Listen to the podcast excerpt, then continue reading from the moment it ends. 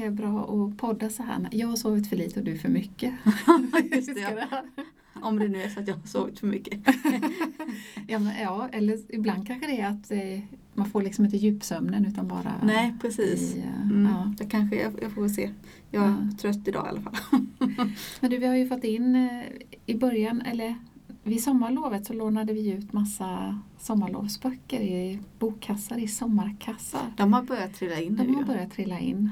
Har du eh, norpat någon? Har du träffat på någon som har lämnat in? Har de varit nöjda med urvalet? För jag har faktiskt inte stött på någon som har lämnat in ännu. Nej men en tjej som hade lånat den här lite, vad ska man säga, jag, kommer inte ihåg vad vi döpte den till men det var liksom lite mer mattema. Ja, blandat både eh, fakta och... Nej det var som Bara. kokböcker, Ja, någon sån här automattidning med lite sommarmat. Det var någon hur man gör glass Mm, och sådär. härligt. Så att eh, jag frågade om det varit bra och så och hon sa att jo men vi hade testat lite olika och så. så att, eh, Ja. De tyckte nog, eller hon verkade liksom, ja.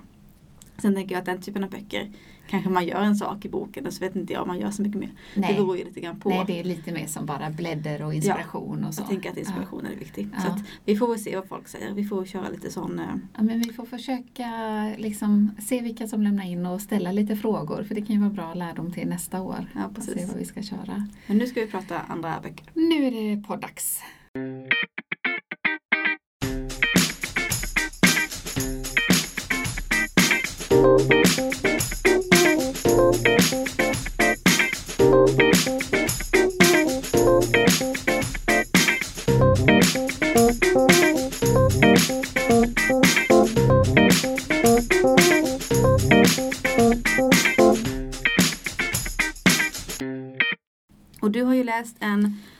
Författare som jag tänker att alla vet vem hon är. Ja. Lisa Marklund. Har du läst någonting om henne? Jag tänkte på det då när du plockade upp den boken att jag funderar på om jag någonsin läste de här Gömda och asyl. Men det var så mycket diskussion kring dem så jag, man, man nästan glömmer bort om man läste dem eller om man bara diskuterade dem för att det var så mycket prat om dem. Men jag håller med. Jag är faktiskt osäker på om jag har läst något av Lisa Marklund.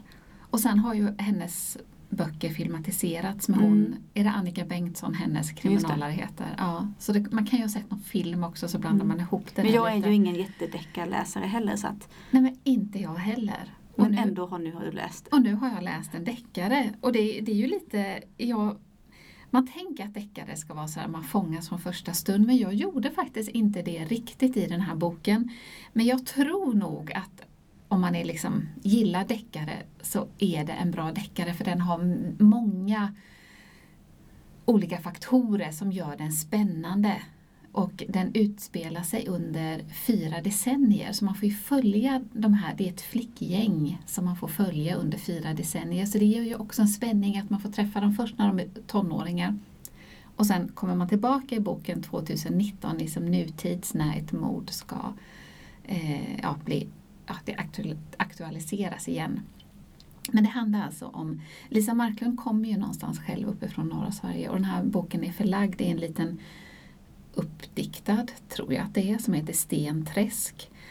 Och där träffas fem stycken tjejer och de väljer på, mellan, nej, på högstadiet är det, då får de göra något fritt val, du vet elevens val i skolan. Och då väljer de här tjejerna att, ja, en bokcirkel och de är de enda tjejerna som väljer den här.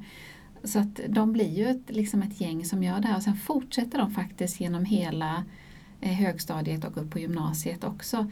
Men de har egentligen inte så mycket gemensamt, de är inte vänner utanför den här bokcirkeln och bokcirkeln heter Polcirkeln, så det är som bokcirkeln, pol, Polcirkeln. Mm, Ehm, Men man får liksom inget intryck av att de umgås eller är kompisar utanför.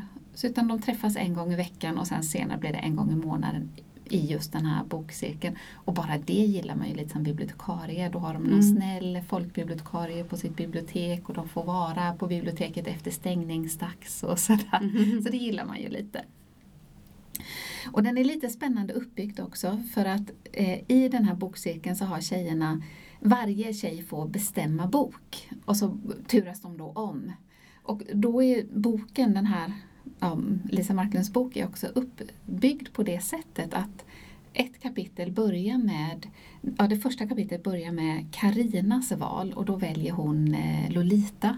Ja, ja. Och då liksom är, är ett sidblad i boken liksom Lolita och sen så börjar det lite med hur bokcirkeln liksom börjar tjejerna träffas och hur de börjar prata om den. Och sen så nästa kapitel då är det en av de andra tjejerna som väljer bok och så kommer den på framsidan och så börjar det Mm. och så nystas det upp liksom och man börjar ana relationerna mellan de här tjejerna. Men tjejerna här är väldigt olika. Det är Karina som är den här smarta arbetarklasstjejen och det är henne man lär känna mest i boken. Eh, och hon också 2019 sen, hon har stannat kvar i eh, den här lilla byn Stenträsk och hon jobbar på polisstationen nu, inte som polis utan mer som administratör eller i receptionen.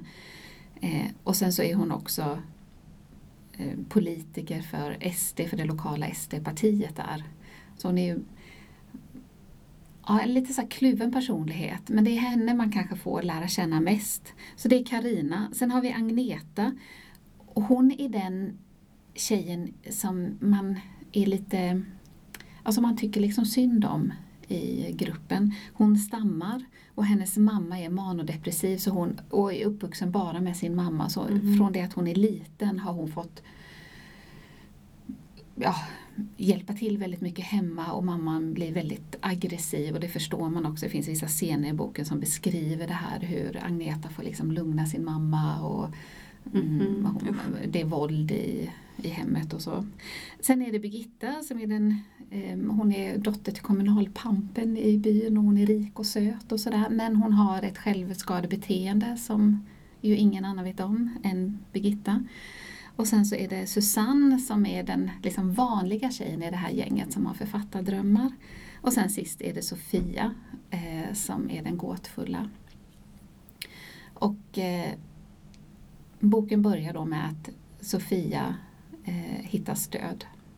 Eller, Jag nej, tänkte in- precis, vad är själva ja, liksom men detta är, nej men hon hittas inte död men hon är försvunnen. Okej. Och 40 år senare, 2019, hittar man hennes kropp utan huvud ingjutet i ett brofundament. Okej. Och då dras hela den här historien upp igen med de här fem tjejerna i bokcirkeln, poolcirkeln. Vad hade de egentligen för relation till varandra? Polismästarens son Vilking har också, han är liksom skolans tuffa och snygga som alla är kära i, har också liksom olika kontaktytor med alla de här tjejerna och han idag 2019 är polismästaren så han har liksom ärvt sin Ja, pappas jobb där. Så det är han och då Karina som man liksom får möta och som börjar Nysta i i de här. Mm. Och grand final är då 2019 när man ska ha en ja, minnesgudstjänst kan man väl säga i kyrkan, i byns kyrka. Och de här fyra kvinnorna som är kvar träffas då för första gången på 40 år för de har inte haft kontakt med varandra. Och man får då reda på vad som faktiskt har hänt. Mm. Så den är ju spännande. Och jag önskar lite att jag hade så här ryckts med i den. Jag gjorde inte det. Jag kanske Nej. läste den lite för snabbt. Jag var lite sådär, du vet ibland Mm, läser man mm. på för att man ska hinna klart till en podd. Ja, eller så. Ehm, men den är ju inte svårläst på något sätt även om man eh, har liksom olika berättarperspektiv ju i de här flickornas. Och, eh, men eh, ja, jag tror att om man gillar deckare så gillar man absolut den här. Mm. Och Lisa Marklund är ju ändå en Men hon vet en väl erkänd skriva. Ja. författare liksom, Mm. som skriver bra. Och, hon har ju jätteproduktion. Hon, jag tror man brukar säga att hon är liksom den där första deckarförfattaren i, kän- i Sverige. Som Det känns ju som att hon är ett av de, första författarnamnen i alla fall som blev så stort och som var på allas Ja. läppar. Och som blev lite kändis också om man får säga så. Mm, Ja. Precis. Ja. Mm. Vad har du med dig? Jag har ju med mig någonting rätt så annorlunda. Eh, det här är en ungdomsbok och den heter Ensamseglarna. Det är Charlotta Lannebo som har skrivit den. Eh, och ensamseglar, jag tycker om det ordet. Det är ju egentligen, alltså en, egentligen handlar det ju om någon som seglar själv så att säga och, och, och, och tar sig fram med segelbåt på egen hand för egen, för egen hand. Eh, och här får det ju lite mer av ett symboliskt, eh, en symbolisk betydelse. Och huvudpersonen här och som också är den som berättar, det är Bianca. Och hon är 17 år eh, när större delen av boken eh, berättas. Det är lite tillbakablick i början när hon är liten. Men annars är det när hon går på gymnasiet och hon går ES-bild. Men är väldigt musikalisk. Hon har en bra sångröst, hon är med i en kör. Och hon börjar under bokens gång också skriva lite egen musik och så. Eh, hon är bästa kompis med Idde. De har varit kompisar sedan de var små. Ungefär ja, men den där typen av vänskap som man, inte, man minns ingenting innan den om man Nej. säger så. Um, och det, jag tänker mig att är, vet inte jag, det står som aldrig riktigt vad det är för typ av stad men de bor i någon typ av stad men kanske ändå det här lite, inte jättestora staden får inte jag intrycket av men ja. Um, I alla fall så har Bianca ända sedan hon var liten och det är den här lilla lilla tillbakablicken i början när hon var nio så blev hon förtjust i Iddes storebror och Jakob. Eh, han hade en speciell dragningskraft på henne och hon upplevde att han såg henne på, ja men han liksom såg henne. Eh, så. Eh, och han är rätt så mycket äldre, det är inte så att han är bara en år, utan han är ju 11 år äldre än vad Idde och Bianca är.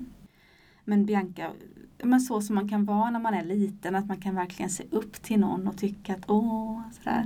Eh, som ett litet barn kan göra. Eh, men det här håller faktiskt i sig. Bianca har alltid en liten speciell plats för Jakob i sitt hjärta under åren. Han försvinner efter att han tar studenten så flyttar han och, och det blir USA och lite allt möjligt. Och I alla fall nu när boken så att säga på riktigt börjar så är han tillbaka.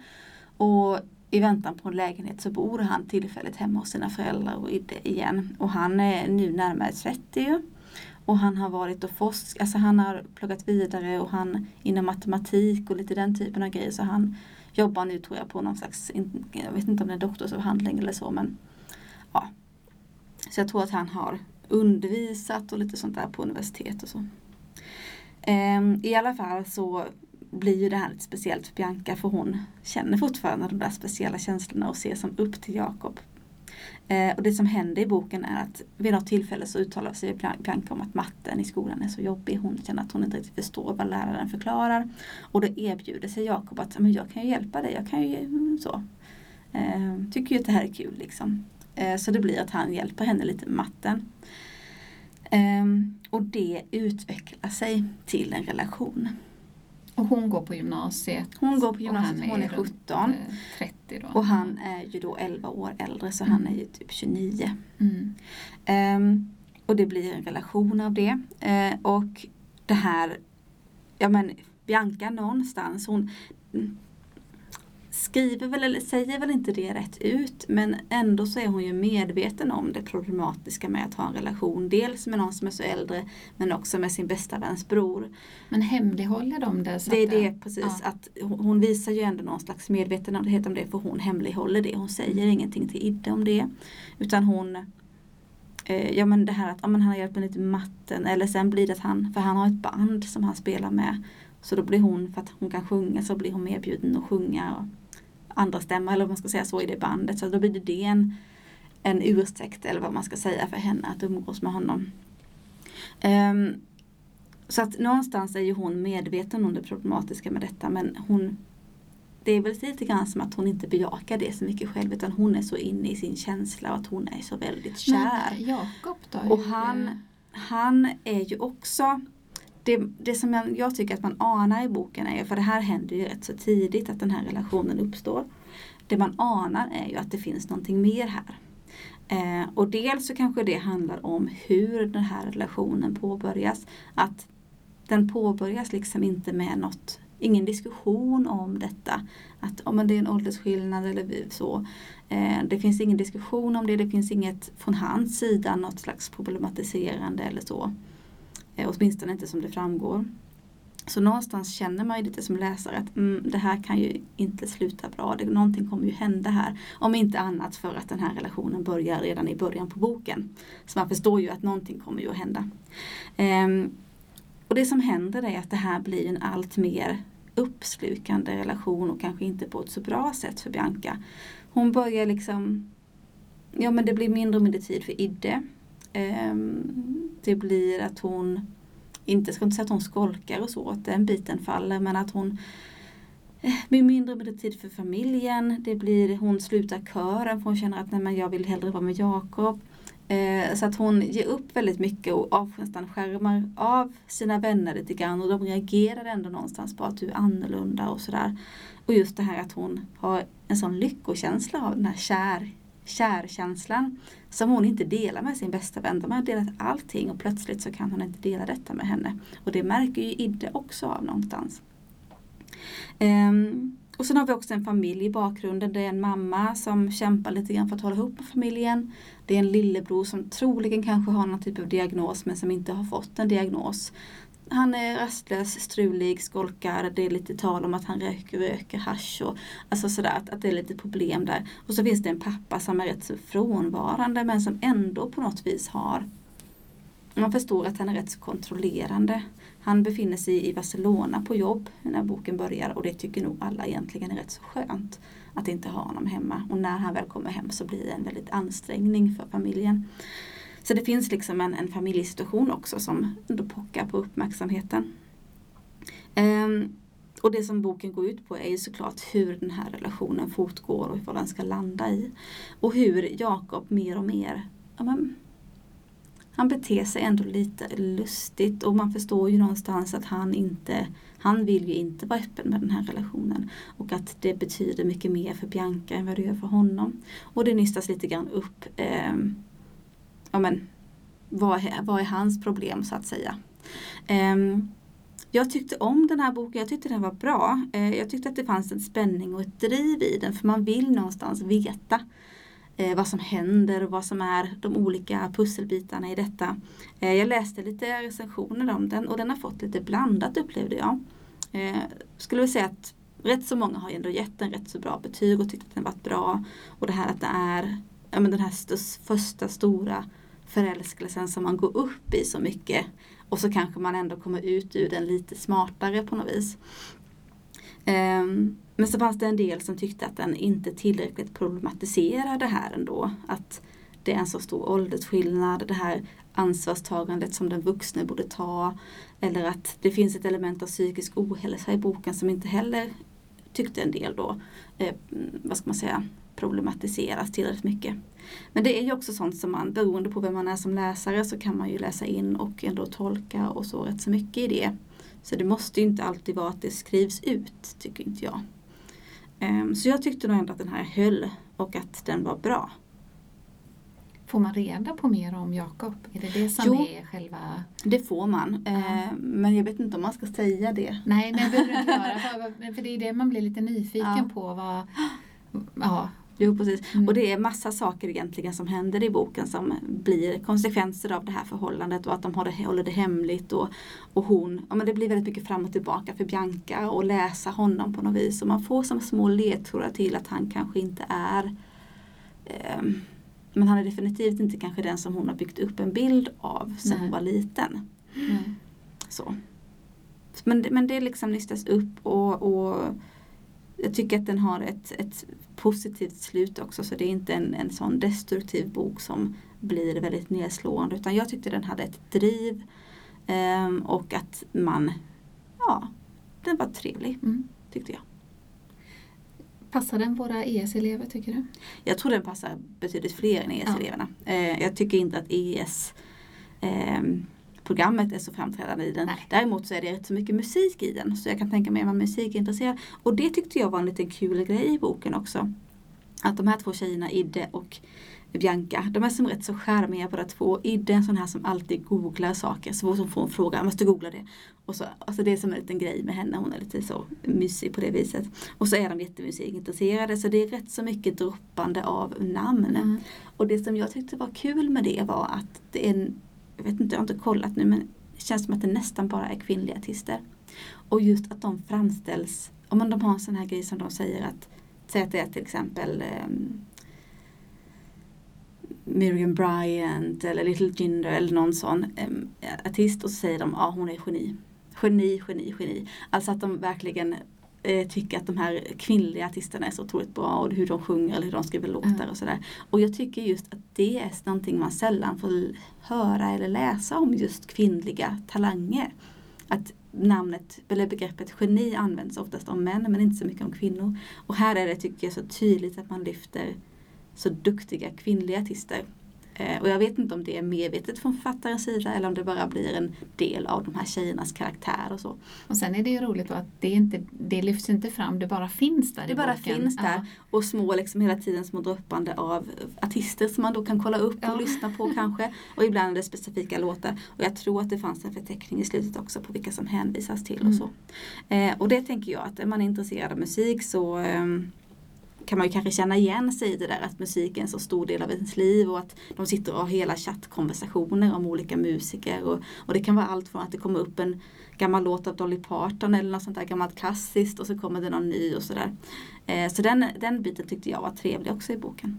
Ja, men jag blir, tycker jag känns som att man skulle vilja läsa den. Jo men det tycker jag. Jag Ja. tycker den var läsvärd och som sagt den låg på kanske två, 200 sidor lite Mm. drygt, inte särskilt svårläst.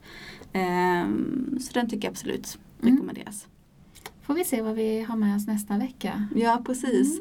Mm. Eh, nu är ju skolan igång här ordentligt och då får vi kanske tänka att vi ska ha lite blandning och lite variation också. Nu känns det som att jag har pratat ungdomsböcker böcker mycket. Du har haft någon vux och det är lite bra att du Ja. har en blandning. Ja, det har vi nog haft lite. Men Mm. ja, det blir spännande. Vi får se. Ja, Lyssna nästa vecka så får ni höra. Ja precis. Hej då!